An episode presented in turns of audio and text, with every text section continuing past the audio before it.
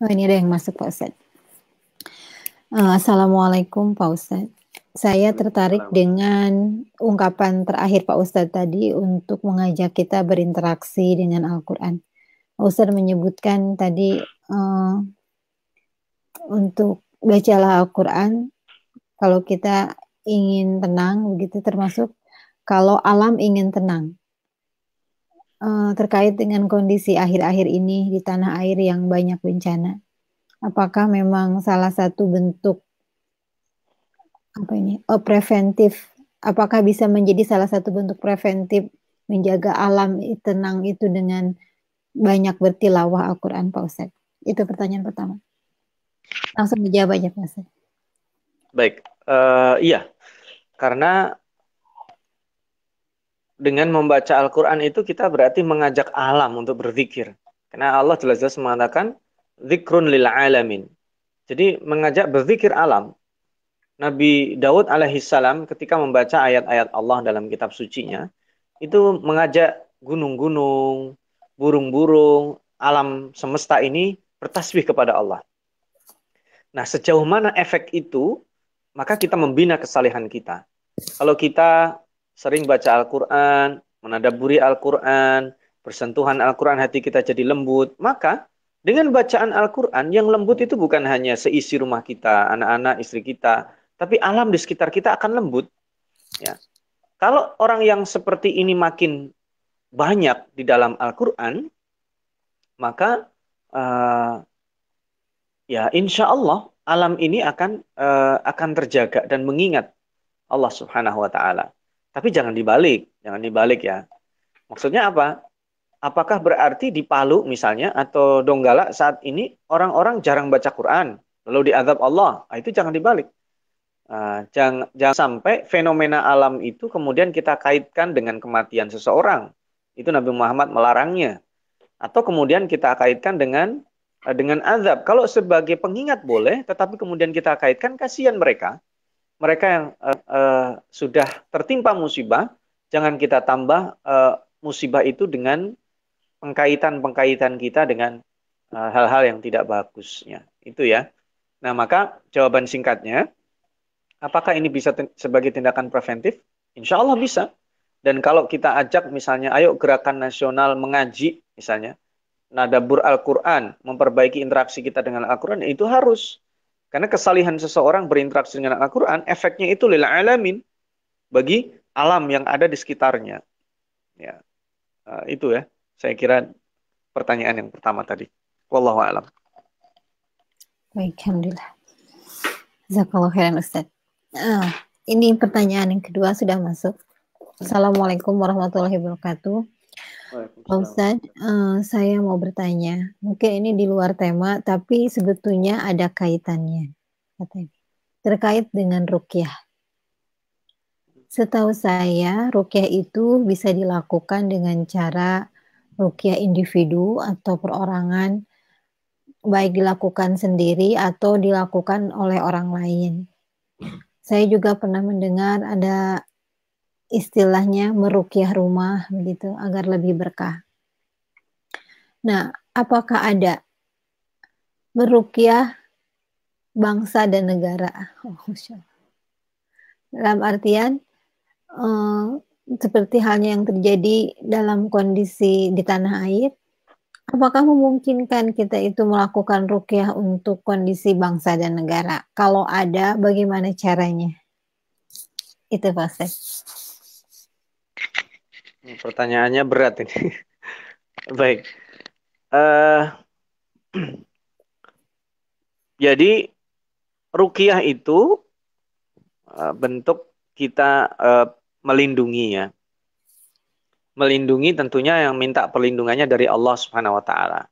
Nah, ruqyah syariah itu sebagaimana dicontohkan oleh Rasulullah Shallallahu alaihi wasallam dan diteruskan oleh para sahabatnya, itu juga bisa melakukan dengan membaca ayat-ayat Al-Qur'an dan bisa dilakukan sendiri atau um, menolong orang lain dengan ruqyah tersebut. Nah, jadi itu pertanyaannya tadi kalau ruqyah itu sendiri atau orang lain atau merukyah rumah dan itu boleh ya um, masyru ada syariahnya Nah, tapi pertanyaan berikutnya ini yang berat. Apakah bisa kita merukia sebangsa dan setanah air kondisi yang kayak begini? Nah, mungkin kalau saya dengan bahasa yang lebih vulgar, bangsa kita ini udah kerasukan jin terlalu banyak sehingga banyak ketimpangan, banyak maksiat. Nah, bisa nggak kita mengadakan rukiah rukiah massal? Gimana caranya untuk merukiah? Nah, rukiah yang paling efektif kembali ke pertanyaan yang pertama tadi. Sesungguhnya yang paling efektif itu diajak umat Islamnya aja dulu itu untuk kembali kepada Al-Qur'an membaca, mempelajari, membaca Al-Quran, lalu menadaburi Al-Quran, itu saya kira yang paling efektif.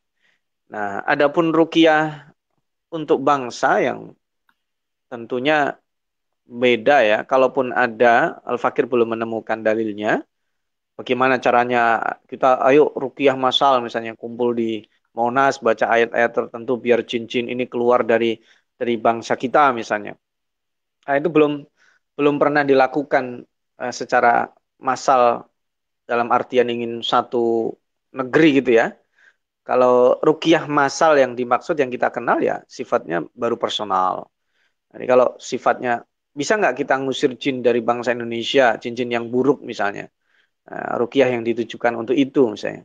Ya yang paling efektif rukiah mandiri kita ajak personal-personal bangsa kita, terutama yang muslim, itu untuk kembali berinteraksi dengan Al-Quran. Ketika berinteraksi dengan Al-Quran, maka secara otomatis orang kalau didekat dengan Al-Quran, zikrun lil alamin tadi berarti menggerakkan proteksi pada uh, alam yang ada di sekitar kita. Ya, termasuk kondisi bangsa kita yang tidak karuan ini. Nah kita lihat tidak karuannya bukan dari bencana alamnya tentu. Bencana alam itu perspektifnya sangat banyak. Nah kita lihat dari uh, sikap kebangsaan kita, kondisi kita yang saling sering bermusuhan. Nah, itu perlu diademkan dengan Al-Quran. Dan caranya ya mengajak individu-individu yang terlibat di dalamnya. Bukan dengan kemudian, ayo kita rukiah. Nah, ini seolah-olah kita merukiah orang lain. Padahal seharusnya kita merukiah diri kita sendiri, yaitu dengan memperbanyak zikir, menjadikan Al-Quran zikir harian. Nah, kalau gerakan itu bisa masif, secara otomatis bangsa kita ini terukiah. Allah alam itu uh, jawabannya sangat masih normatif. Hmm. Baik, Ustaz. Alhamdulillah. Hmm, Pak Ustaz. Uh, silakan sister sekalian yang ada pertanyaan untuk segera disampaikan. Ini ada pertanyaan lain Pak Ustaz, tapi mungkin ini terkait dengan bagaimana menurut pendapat Pak Ustaz terkait dengan uh, artikel di koran Republika yang me, sebentar.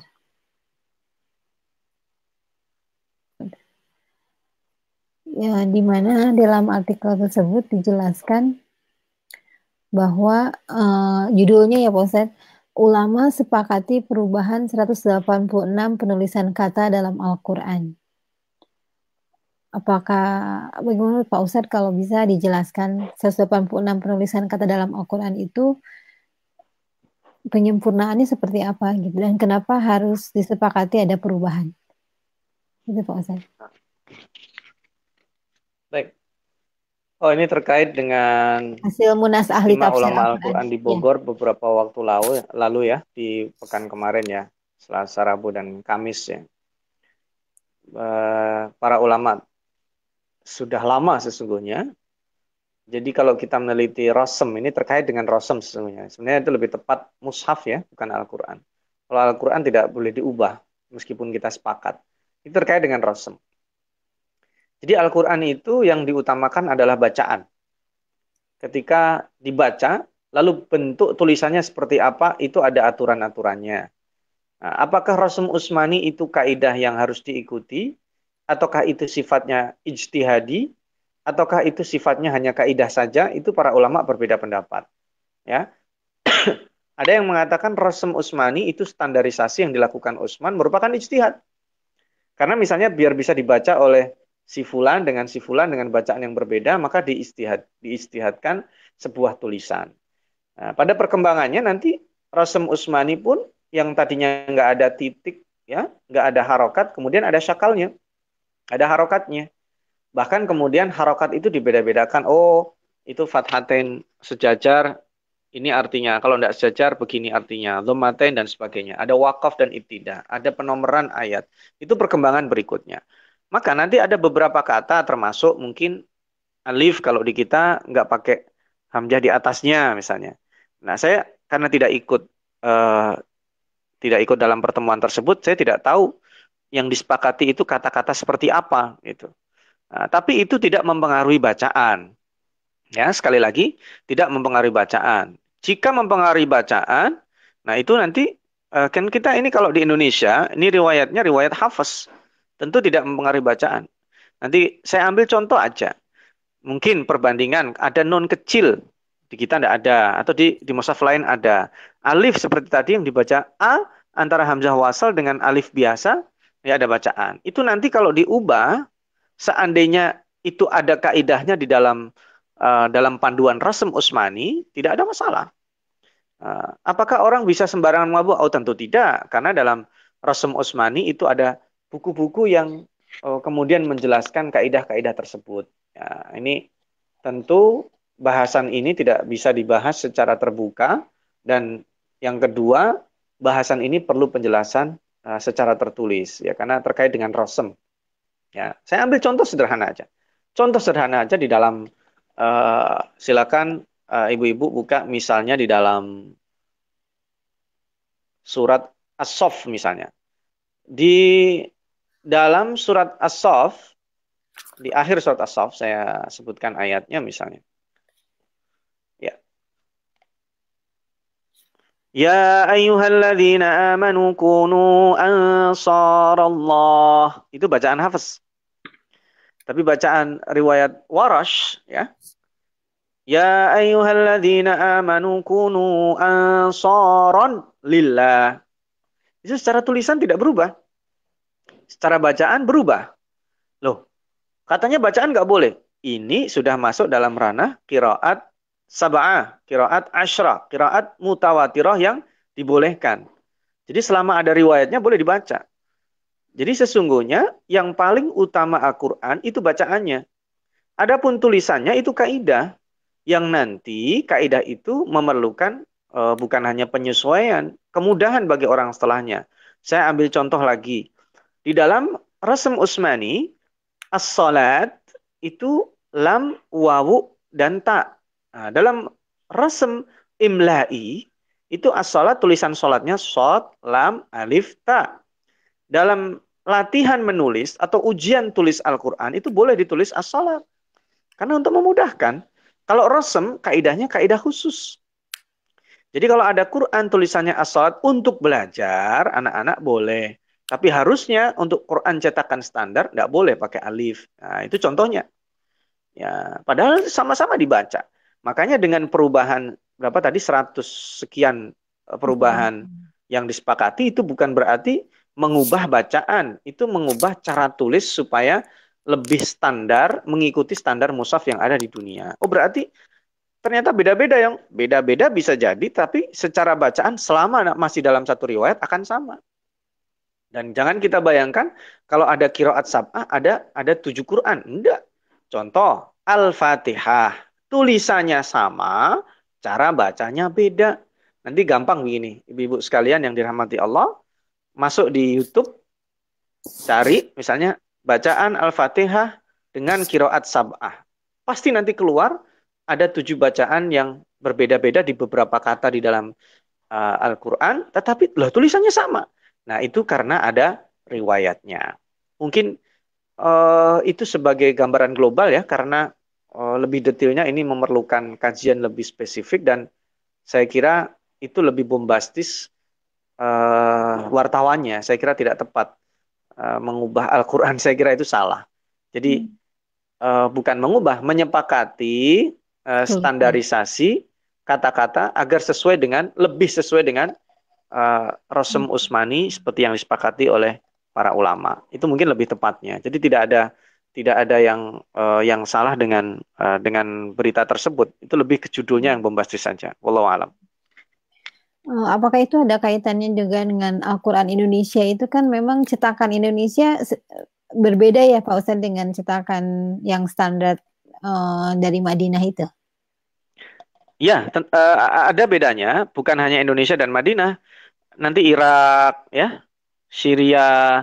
Karena kan nanti peletakannya begini. Misalnya kata-kata wa qala itu di sebelah atas koran pojoknya di Indonesia di sebelah bawah, ya nggak ada masalah. Itu hanya masalah teknis saja. Uh, ada nanti seberapa baris, ada sekian baris, itu teknis penulisan. Teknis penulisan saja, bacaannya tidak berubah. Uh, selama dia riwayatnya masih sama. Kalau riwayatnya beda, uh, selama dia kiraatnya mutawatirah tidak ada masalah. Dan ini tidak mengganggu otentisitas Al-Quran. Al-Quran itu otentik karena semuanya kalau dirunut tembusnya kepada Rasulullah SAW. Itu disebut mutawatir, tidak terputus. Dan diriwayatkan oleh orang yang mustahil akan berdusta karena tidak hanya satu dua tapi banyak banyak jalan. Itu hmm. singkatnya. Baik, Ustaz Alhamdulillah. Insya Allah mudah-mudahan menjawab pertanyaan dari tadi yang bertanya ya, Insya Allah. Uh, pertanyaan berikutnya Pak Ustaz terkait dengan tadi uh, di pernyataan terakhir Pak Ustaz ya yang menyebutkan bahwa titik poin kita adalah ayat ke-48 ya tentang bersabar ya Pak Ustaz. Ya. Hmm.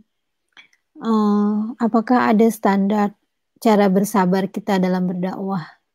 Mengingat akhir-akhir ini saya menyaksikan dari ulama-ulama yang ada gitu menghadapi situasi yang sama itu berbeda cara menanggapinya. Ada yang memang santun begitu ya, memilih kata-kata yang tidak langsung frontal ada yang memang langsung to the point menghadapi segala permasalahan yang ada. Apakah yang santun itu yang disebut dengan sabar, sementara yang mereka langsung to the point itu dimasuk tidak sabar menghadapi uh, kendala dakwah yang ada saat ini. Apakah itu hanya gaya saja atau standarnya seperti apa bersabar dalam berdakwah ini? Itu Pak Ustaz. Baik, Standar dalam uh, sabar dalam dakwah tentu beda dengan style ya. Kalau tadi yang di yang ditanyakan itu lebih ke style. Ada orang yang stylenya kalem. Uh, ada orang yang memang stylenya uh, to the point, strict misalnya. Tapi ya, harus dibedakan antara style dan kata-kata kasar. Kalau to the point tidak identik dengan kasar. Kalau yang berdakwah tapi kata-katanya kasar, saya kira itu sudah out of the track ya, sudah keluar dari track sabaran. Ya, jadi yang sabar itu ya sama dengan saya sabar berinteraksi sama Quran, udah ini tetap baca Quran. Ya, sudah begini tetap uh, tetap aja berpegang teguh dengan Al-Qur'an. Uh, itu yang disebut dengan sabar. Jadi bersabar itu tidak ada batasnya. Eh, sabar jangan diidentikan defensif ya. Ya sama dengan uh, orang yang berusaha mendakwahi setiap hari setiap hari bersabar ya melakukan terus ofensif kan itu namanya mendakwai meskipun ditolak atau meskipun dia uh, kemudian responnya negatif itu juga sabar.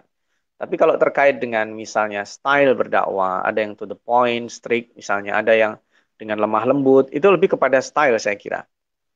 Jadi uh, tidak tidak bisa dijadikan uh, sama. Sabar kan ada asobru alal musibah, sabar terhadap musibah yang menimpa. Asobru alat ta'ah, kesabaran dalam uh, taat, kemudian asabru uh, fi tarkil maksiat. Kesabaran dalam meninggalkan maksiat. Ya, sama begini. Sedang saya sedang puasa. Kemudian di depan saya ada makanan yang luar biasa lezatnya. Ya kesabaran saya saya nggak makan. Gitu.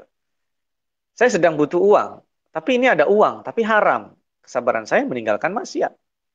Gitu saya berbicara dengan seorang perempuan yang cantik yang luar biasa itu tidak hal nggak halal bagi saya saya saya harus uh, ada batas-batasnya ya dalam ketaatan yaitu saya berada belum saatnya sujud ya uh, jangan sujud belum saatnya bang, bangkit ya jangan bangkit itu kesabaran ya kesabaran dalam musibah adalah kesabaran menerima takdir Allah dan kemudian segera move on memperbaiki apa yang bisa kita perbaiki jadi definisi sabar yang disebutkan oleh para ulama terdiri dari tiga hal itu. Kesabaran dalam melakukan kebaikan, kesabaran dalam meninggalkan maksiat, kesabaran ketika ditimpa musibah. Ya, termasuk kita bersyukur itu juga bagian dari sabar. Sabar dan syukur itu sangat uh, terkait erat. Itu saya kira uh, kalau yang tadi disebutkan itu lebih kepada style dalam berdakwah, uh, bukan kaidah dalam sabar. Wallahu alam. Baik, Mas. Alhamdulillah. Jazakallahu khairan.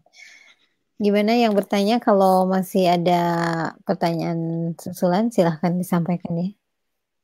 Ini pertanyaan berikutnya Pak Ustadz. Uh, Pak Ustadz, saya suka nonton film India. saya pernah lihat di film itu orang Hindu India baca kitab sucinya mereka dengan sangat menghayati dan menghafal menyanyikannya. Tapi saya tidak tahu apa yang mereka baca. Hanya saja beliau itu mungkin merasa seperti umat muslim membaca ayat kursi yang hafalannya dan yang menghafal dan menyanyikannya. Apakah kebiasaan itu kita ambil dari mereka ya mungkin tadi yang menghafalkan ayat kursi dan menyanyikan itu diambil dari kebiasaan mereka mengingat kata beliau ini Nabi Adam kan turunnya di India. Ada kaitannya nggak Pak Ustaz? Mohon penjelasan secara meluas Pak Ustaz katanya. Baik, uh, Bismillahirrahmanirrahim. Kalau terkait dengan panduan baca Al-Quran, kita mengikutnya Nabi Muhammad. Karena syariat Nabi Muhammad lah yang uh, yang kita ikuti. Dan cara menyanyikan Al-Quran juga standarnya standar yang dicontohkan oleh uh, Nabi Eh, para sahabat dan sebagainya. Jadi uh, tentu apa yang disebut at-taghanni Quran, menyanyikan Al-Qur'an itu tilawahnya agar merdu seperti apa itu ada standar-standarnya. Nah, apakah kita mengambil dari mereka? Tentu wallahu alam sependek yang saya ketahui tentu tidak. Karena Nabi Adam alaihissalam pun kalau diturunkan ke India itu belum ada syariat. Ya. Jadi Nabi Adam itu diturunkan di India, tapi nanti ketemu sama istrinya di uh, di Arafat dalam salah satu asarnya. Jadi itu turun justru uh, mencari istrinya. Jadi belum belum beranak pinak dan nanti beranak pinak di satu tempat, baru di situ ada syariat, kurban dan lain sebagainya. Uh, dan Adam diberi suhuf tentunya bukan kitab. Uh, membaca bisa jadi ada panduan bacaannya. Seperti apa? Itu tidak kita tidak tahu gitu. Apakah dia terpengaruh kita atau kita terpengaruh dia? Wallahu alam, bisa jadi saling mempengaruhi karena kan di India juga pernah ada uh, disebut Kesultanan Mughal. Ya, kalau kita lihat di India itu kan ada Taj Mahal, itu di India pernah uh, Muslim memiliki kekuasaan atau berkuasa di sana. Jadi itu disebut Kesultanan Mughal ya. Bukan Mongol, kalau Mongol lain lagi. Mughal itu pernah berkuasa di India dan uh, kemudian di, dipecah jadi dua dengan Pakistan. Karena India dan Pakistan tadi jadi satu. Uh, kurang lebih penjelasan singkatnya seperti itu. Wallahu alam. Baik, alhamdulillah. Gimana Mbak Lisa yang bertanya? Silahkan kalau ada pertanyaan susulan. Baik, sisir sekalian, pendengar kajian tafsir Imsa Sister. Uh, apabila ada masih ada pertanyaan, kita masih memiliki waktu sekitar 15 menit ke depan. Silahkan untuk disegera disampaikan.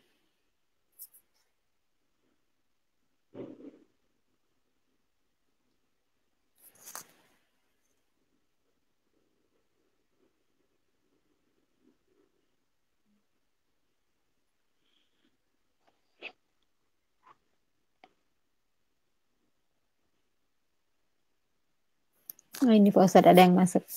Assalamualaikum warahmatullahi wabarakatuh Pak Ustadz. Minta tolong penjelasan ayat ke-43 tadi yaitu kondisi apakah itu kondisinya itu sudah di padang masyar ya Pak Ustadz? Hmm. Uh, apa sebetulnya yang terjadi akan terjadi nanti sehingga disebutkan di situ bahwa Sungguh dahulu di dunia mereka telah disuruh untuk bersujud waktu mereka sehat tapi mereka tidak melakukan. bagaimana tipsnya agar kita tidak termasuk yang diliputi kehinaan seperti yang disebutkan dalam ayat 43 tersebut. Itu Pak Baik.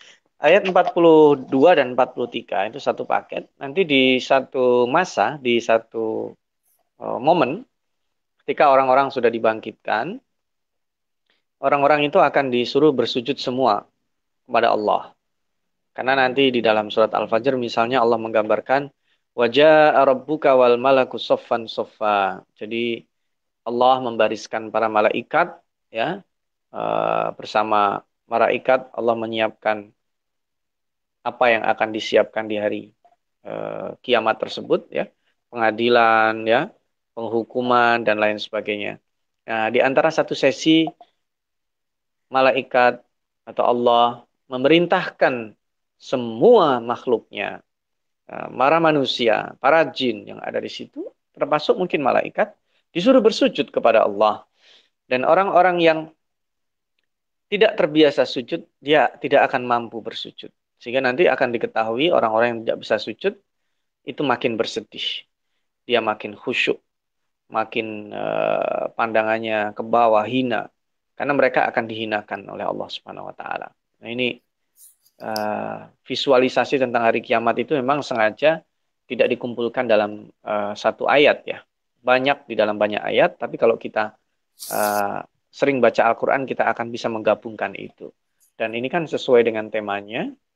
Temanya adalah tema tentang kehinaan, tema tentang maftun tadi itu, tema tentang kesombongan. Orang-orang ini betul-betul akan sangat menyesal betul-betul superioritas mereka di dunia itu tidak ada artinya pada saat mereka uh, tertunduk lesu bukan karena khusyuk yang baik tetapi karena betul-betul terhinakan karena udah nggak sanggup bersujud gitu.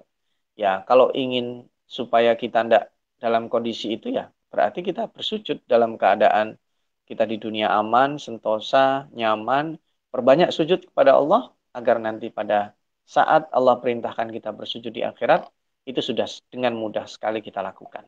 Jadi uh, supaya terhindar ya kita bersujudnya di dunia. Wallahu a'lam. Hmm. Itu Pak Ustadz berarti bersujudnya itu dalam bentuk sholat atau ada dalam bentuk yang lain juga? Misalnya dalam artian itu maknanya makna kiasan? Uh, bisa jadi itu kiasan, bisa jadi juga disuruh sholat. Atau bisa jadi disuruh hanya sekedar simbol saja sujud yang uh, bentuk fisiknya kayak kita sujud di dunia. Karena tidak ada keterangan jelas bahwa itu adalah sholat, hanya sekedar sujud saja. Jadi bisa jadi itu mudah bagi orang yang melakukan di dunia, tapi sulit bagi orang tidak melakukan di di dunia. Atau mungkin gini, saya di dunia tahu sholat ada sujudnya, tapi dia tidak sholat, nanti di akhirat dia tahu tapi nggak bisa melakukan. Jadi tidak ada uh, tidak ada kaitannya orang tahu lalu bisa melakukan itu lebih kepada karena saking takutnya. Karena juga ada orang tahu ketika ujian karena dia grogi nggak bisa jawab. Ini kan juga uh, berkali-kali saya menghadapi orang-orang yang saya uji. Dia anak ini pintar sebenarnya, tapi karena grogi kemudian jadi hilang pengetahuannya. Sama. Orang itu tahu sujud itu seperti apa, tapi karena dia memang tidak pernah melakukan, dia takutnya keterlaluan. Di ayat lain juga dijelaskan wal tafatisa bisa betis-betis persentuhan itu karena saking takutnya, maka dia tidak bisa melakukan sujud itu. Allah alam kira-kira begitu. Baik, Insya Allah. Alhamdulillah lebih jelas. Uh, ini ada pertanyaan lagi Pak Ustadz yang masuk agak panjang. Saya coba bacakan. Sebentar. Assalamualaikum warahmatullahi wabarakatuh. Um, saya ada pertanyaan berkaitan dengan dosa dosa Pak Ustadz ya. Misalnya ada orang berzina dan bertobat. Apakah jika orang tersebut masih tertimpa musibah setelah bertaubat, itu pertanda ya, merupakan hukuman dari dosa yang telah dia perbuat? Kalau iya, apakah itu berarti dia tidak akan dihukum lagi di akhirat kelak? Karena saya pernah mendengar kalau kita berbuat baik, maka orang yang meniru perbuatan baik kita, kita akan mendapat pahala. Bagaimana dengan dosa berjamaah? Oh, ya. Iya. Misal Dulu sebelum bertobat ada artis yang maaf berpakaian terbuka, tapi setelah bertobat menutup aurat dengan baik. Akan tetapi kan semua dokumentasi foto atau video masih di luaran sana yang bisa diakses banyak orang. Dengan begitu apakah dosanya masih mengalir Pak Ustadz? Mungkin ini jadi dua pertanyaan sih sebetulnya ya. Ya, ya Pak Ustadz itu. Baik. Uh, terkait dengan dosa dan taubat itu domainnya domain Allah. Tetapi patokannya patokan syariat. Ya, maksudnya apa? Saya berbuat A itu dosa, ya dosa. Tapi kemudian bahwa apakah dosa ini bisa dihilangkan? Itu kita serahkannya kepada Allah. Orang yang bertaubat dengan sungguh-sungguh, maka uh, doanya, uh, taubatnya, ada kemungkinan bisa diterima oleh Allah. Karena yang memutuskan diterima tidaknya Allah. Jadi kalau misalnya saya melakukan dosa A yang itu adalah berat misalnya. Lalu ternyata saya setelah bertobat kok masih disiksa eh, atau istilahnya mendapat musibah. Apakah berarti kemudian Allah menerima tobat saya karena udah dihukum di dunia dan nanti tidak dihukum di akhirat? Kaidahnya tidak begitu. Karena bisa jadi orang bertaubat tanpa diturunkan e, siksa, dia juga diampuni di akhirat nanti. itulah yang disebut dengan uh, istighfar. Istighfar itu adalah kita meminta supaya aib kita ditutup. Makna esensi taubat itu adalah Allah mengampuni. Esensi mengampuni apa? Menutup aib kita. Aib kita nggak dibuka itu luar biasa dahsyatnya Allah. Karena setiap orang memiliki aib. Maka setelah selesai sholat kita berzikirnya juga astagfirullahaladzim. Ya Allah, jangan sampai engkau buka aib-aibku baik di dunia maupun di akhirat. Jadi nggak ada nggak ada kaidahnya bahwa orang yang bertaubat supaya tidak disiksa di akhirat dia harus di uh, di uh, diadab di dunia. Tentu tidak ada kaitannya. Maka terkait dengan itu ya kita serahkan pada Allah. Termasuk pertanyaan kedua, kalau misalnya saya sudah bertaubat, saya seorang perempuan, dulu membuka aurat, kemudian bertaubat, foto-foto saya sebagai public figure itu uh, di mana-mana di share orang dan sebagainya. Ya sama kita serahkan kepada Allah. Allah juga yang yang mengetahui itu. Lalu orang yang ngeser-ngeser itu ya dia dapat sesuai dengan porsinya. Yang melakukan maksiat itu dan apakah kembali ke saya kalau kita bertaubat tentu tidak. Gitu. Nah, walau alam itu kaidahnya singkatnya seperti itu. Kecuali memang orang yang meninggal belum taubat. Ya, nah, dia menunjukkan perbuatan A yang dosa dan kemudian menganjurkan orang melakukan kegiatan A yang dosa, dia meninggal dengan itu, maka orang yang mengikuti dia, dia mendapatkan jatah uh, porsi dari investasi keburukan yang dia tanam. Tapi kalau dia bertaubat, itu uh, semuanya domainnya adalah Allah mengampuni atau tidak. Tapi selama manusia berusaha, kemungkinan besar selama dia memintanya kepada Allah, insya Allah diterima. Saya kira uh, cerita tentang pembunuh yang 100 orang itu cukup jadi pelajaran kita bahwa dia membunuh 100 orang pun diterima oleh Allah ketika dia sungguh-sungguh bertaubat. Saya kira itu. Wallahu alam. Baik, alhamdulillah. Nah, semoga yang tadi bertanya, yang tidak yang mau disebutkan namanya, uh, kalau ada yang masih ingin dilanjutkan, silahkan disampaikan lagi ke nomor yang sudah dihubungi ya. Oh, ini ada pertanyaan lagi Pak Ustadz. Dari Mbak Ati. Mohon tips bagaimana berdoa di saat sujud agar tidak mengganggu bacaan sholat kita. Itu Pak Ustadz. Ya.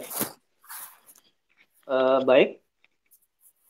Umumnya, secara umum, yang kita baca di dalam sholat, ini yang yang maksur eh, dan berbahasa Arab.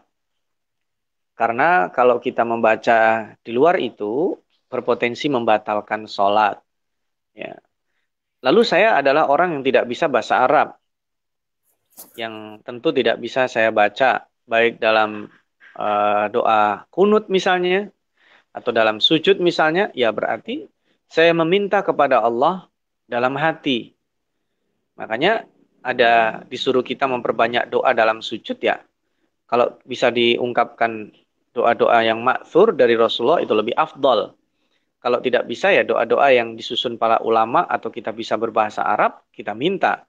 Tetapi uh, saya tidak bisa ya diucapkannya dengan uh, dengan hati dalam dengan bahasa apa saja.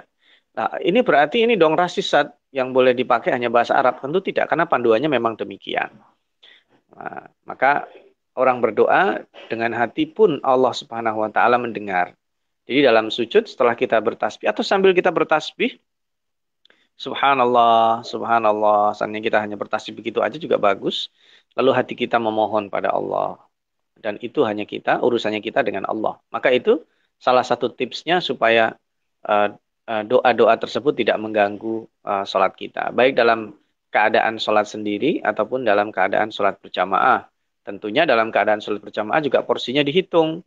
Kita sebagai imam tentu tidak boleh terlalu lama-lama dalam bersujud. Nah, ini nanti mengganggu uh, jamaah yang ikut di belakangnya. Wallahu alam itu singkatnya kira-kira begitu.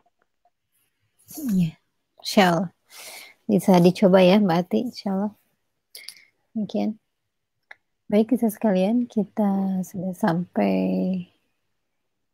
kira-kira ada 10 menit ke depan ya. Kalau ada yang masih bertanya, silahkan disampaikan langsung. Jazakumullah khairan baik yang sudah tadi bertanya ya, insya.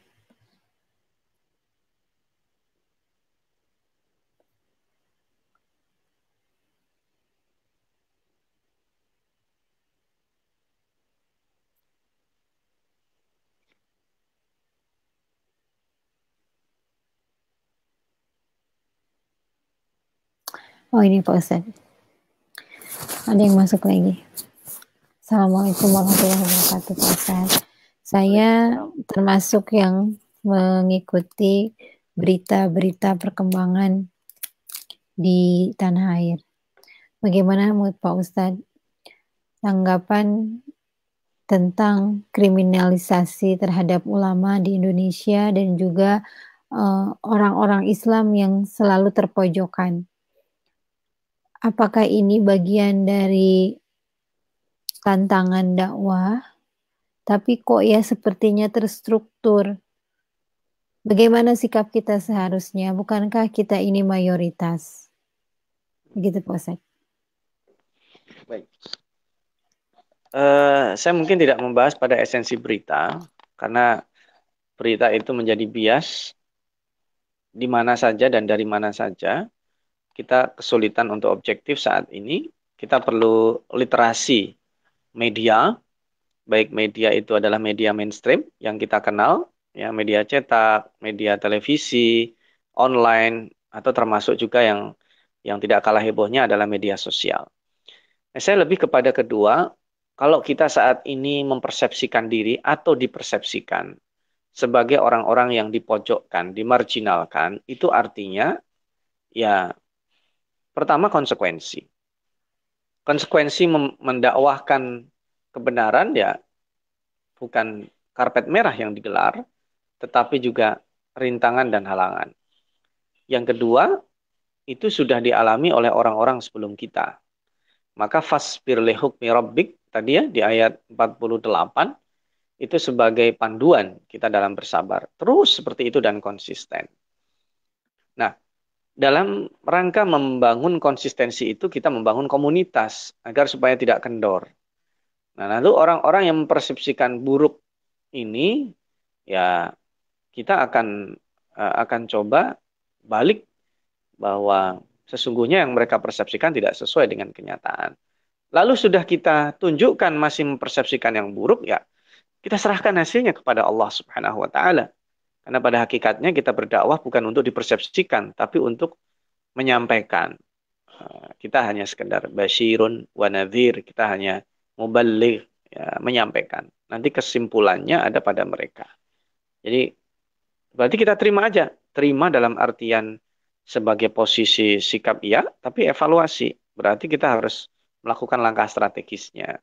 Strategis berdakwah kepada siapa?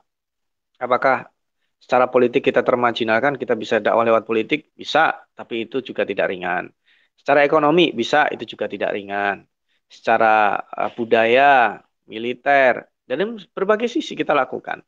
Dan kalau kita yakin, dan itu bentuk daripada akidah kita, suatu ketika nantinya secara ideal umat Islam seperti halnya di Madinah, setelah diintimidasi, diteror, itu melakukan orang-orang uh, yang memusuhi Nabi Muhammad dan para sahabatnya di Mekah, lalu pada faktanya ketika di Madinah mereka jauh lebih stabil. Tapi apakah di Madinah tidak ada tantangan berikutnya? Tentu karena naik kelas tantangannya juga lebih besar. Uh, maka jangan dipersepsikan bahwa mendakwahkan sesuatu itu digelar karpet merah tidak ada tantangan. Nah, tapi nanti tantangannya akan naik dari kelas individu, kelompok, negara, dan sebagainya. Jadi saya kira akan tetap senantiasa diperlukan kesabaran sampai akhir hayat kita. Wallahu ta'ala alam. Masya Allah. Justru karena itu ya Pak Ustadz, jadi ada pahala sabar ya. Kalau nggak gitu nggak ada pahala untuk bersabar. Iya, karena setiap kelasnya berbeda-beda. Ya, hmm. kesulitannya tidak sama. Hmm, Masya Allah. Alhamdulillah. Ya, jazakallah khairan Pak Ustadz. Ini ada satu lagi Pak Ustadz yang masuk katanya. Ustadz. Oh, Ustadz, apakah ada hadis yang sahih gitu tentang keutamaan atau faidah-faidah membaca surat Al-Qalam. Karena banyak beredar tulisan tentang faidah membaca surat Al-Qalam. Kalau ada, seperti apa Pak Ustaz? Mungkin seperti kemarin uh, surat Al-Muluk sebelumnya gitu kan. Ada keutamaan dibaca kapan dan seperti apa gitu. Coba kita cari di sini ya. kalau secara umum ya surat surat Al-Qur'an ada disebut di beberapa riwayat keutamaannya. Tapi kalau surat Al-Qur'an ini dibaca kapan, keutamaannya apa? Ini dari beberapa beberapa riwayat yang saya dapatkan di sini misalnya. Uh, misalnya rawahu Ibnu Abi Hatim.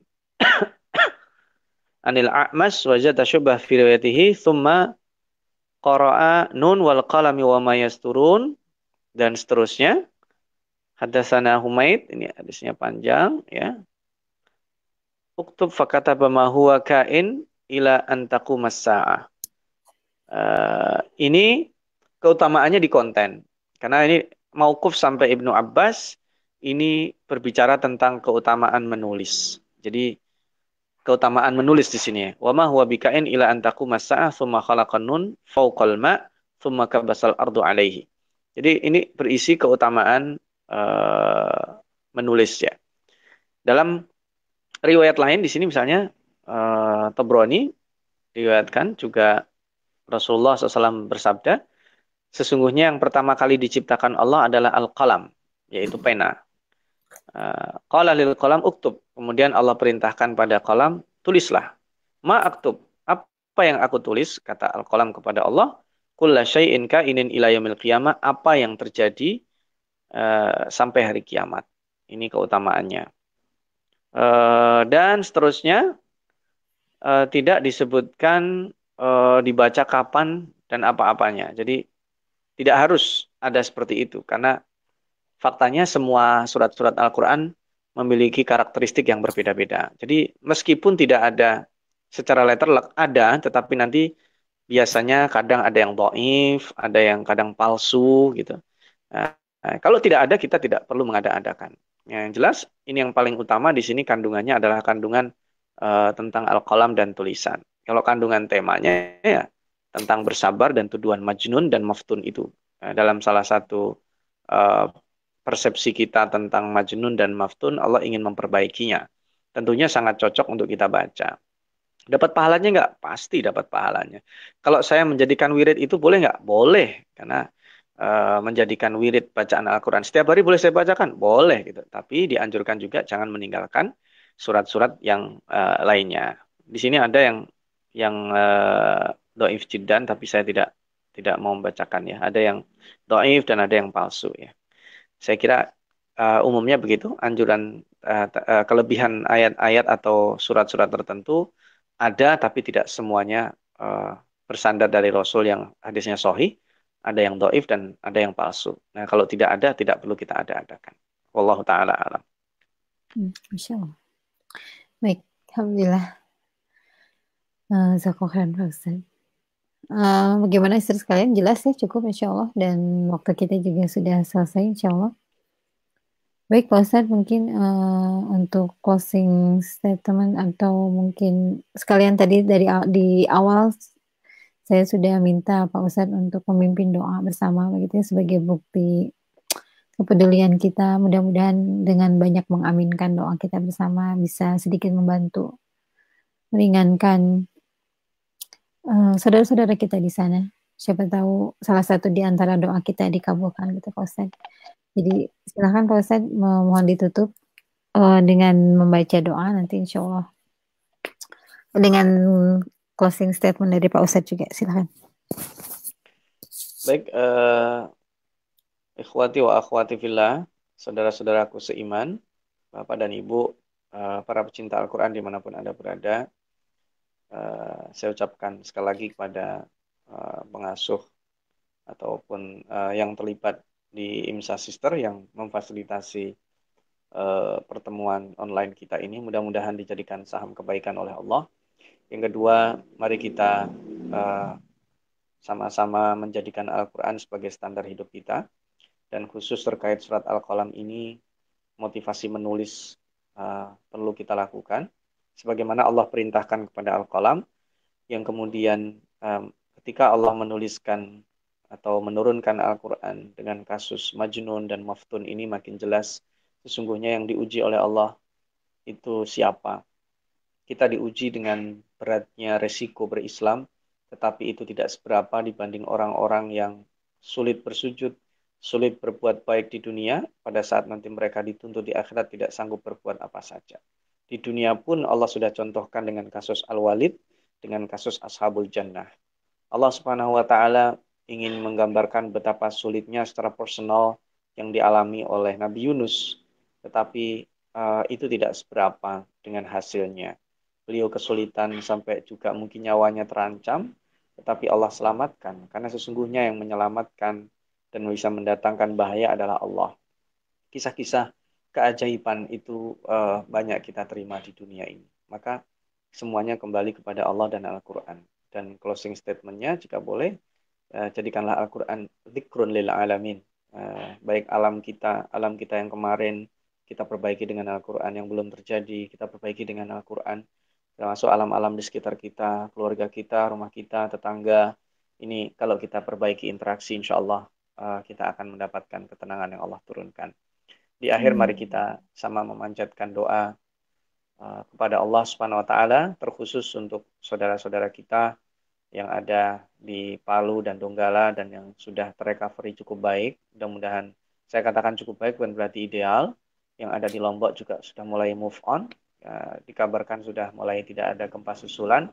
Mudah-mudahan saudara-saudara kita di Tunggala dan Palu juga demikian. Uh, recovery fisik, recovery mental, beberapa hal yang perlu dimudahkan mudah-mudahan sanggup uh, kita berikan uh, kepada mereka semampunya uh, terkhusus atau minimalnya dengan doa. Mari kita tundukkan kepala kita kita membaca istighfar kepada Allah tiga kali untuk mendoakan mereka. Astaghfirullahalazim, astaghfirullahalazim, astaghfirullahalazim. Bismillahirrahmanirrahim. Alhamdulillahirabbil alamin hamdan yuwafi ni'amah wa yukafi'u mazidah. Ya Rabbana lakal hamdu kama yanbaghi li jalali wajhika wa 'azimi sultanik. Allahumma salli wa sallim ala Sayyidina Muhammadin wa ala alihi wa sahbihi ajma'in. Allahumma farrij kurubal muslimin. Allahumma farrij kurubal muslimin. Allahumma nusur du'afa'ana. Allahumma nusur ikhwanana du'afa wal mustada'afin. Fi Sulawesi Tengah, fi Sulawesi, fi Palu, Donggala, wa fi kulli ya rabbal alamin. Allahumma nsurhum fi musibatihim. Allahumma kullahum wa alaihim. Ya Allah ya Tuhan kami, jadikanlah kami jalan kemudahan bagi saudara-saudara kami yang kesulitan. Jadikanlah kami solusi kebaikan bagi saudara-saudara kami yang mencarinya. Jadikanlah kami petunjuk-petunjuk kebahagiaan bagi saudara-saudara kami yang mencarinya. Ya Allah ya Tuhan kami, jadikanlah kami tangan-tangan kami ringan membantu. Mulut-mulut hmm. kami adalah mulut yang basah dengan zikir dan kata-kata baik. Jadikanlah hmm. mata kami mata-mata yang dijauhkan dari khianat. mata-mata yang teduh yang menatap dengan penuh ukhuwah dan cinta. Ya Allah ya Tuhan kami, jadikanlah kami mudah dalam melakukan kebaikan, mudah dalam menolong saudara kami, mudah dalam memudahkan saudara kami ya Allah. Saudara-saudara kami yang tertimpa musibah ya Allah, ringankan mereka ya Allah. Gantilah musibah mereka dengan kebaikan yang engkau janjikan ya Allah. Turunkanlah bantuanmu kepada mereka ya Allah. Jadilah pelindung dan pemelihara bagi mereka ya Allah. Ya Allah, di antara mereka yang meninggal ya Allah, tempatkan bersama orang-orang saleh dan salihah yang kau cintai. Jadikanlah anak-anak mereka yang yatim, ya Allah, kau pelihara, kau berikan keistiqomahan dalam beriman. Jadikanlah harta-harta mereka yang hilang, ya Allah, sebagai investasi kebaikan mereka di akhirat, ya Allah. Jadikanlah kami bagian dari investasi kebaikan yang engkau siapkan, ya Allah. Ya Allah, ya Tuhan kami, jadikanlah kami orang-orang yang senantiasa dekat dengan Al-Quran. Allahumma ja'alna wa dhurriyatina min ahlil Quran. Allahumma syurna wa iyahum fi zumrati ahlil Quran. Allahumma hmm. syafi'na bil Qur'an Rabbana hab lana min azwajina wa dhurriyyatina qurrata a'yun waj'alna lil muttaqina imama. Rabbana atina fid dunya hasanah wa fil akhirati hasanah wa qina adzabannar. Wa sallallahu ala sayidina Muhammadin wa ala alihi wa ashabihi ajma'in. Walhamdulillahirabbil alamin. Mohon maaf atas segala kekurangan dan keterbatasan. Wassalamualaikum warahmatullahi wabarakatuh. Salam Amin ya Allah Alamin. Semoga Allah mengijabah doa-doa kita ya.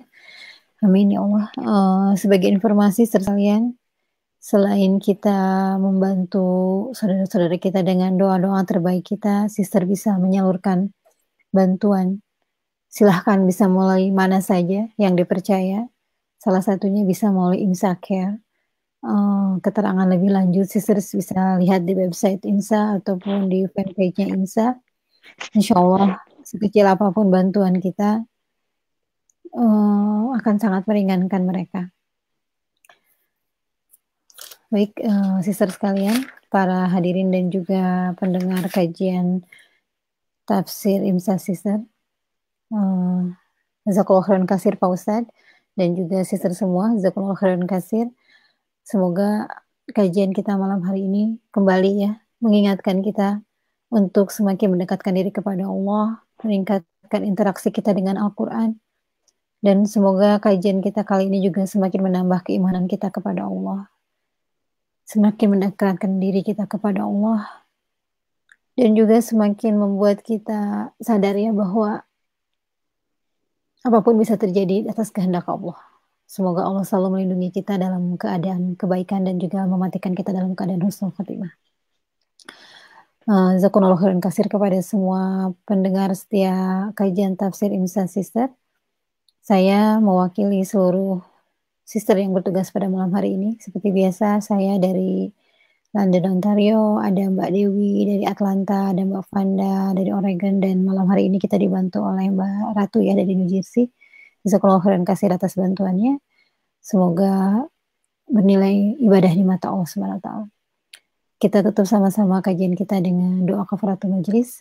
Subhanaka Allahumma wa bihamdika Ilaha anta wa atubu. Insyaallah ketemu lagi pekan depan. Assalamualaikum warahmatullahi wabarakatuh.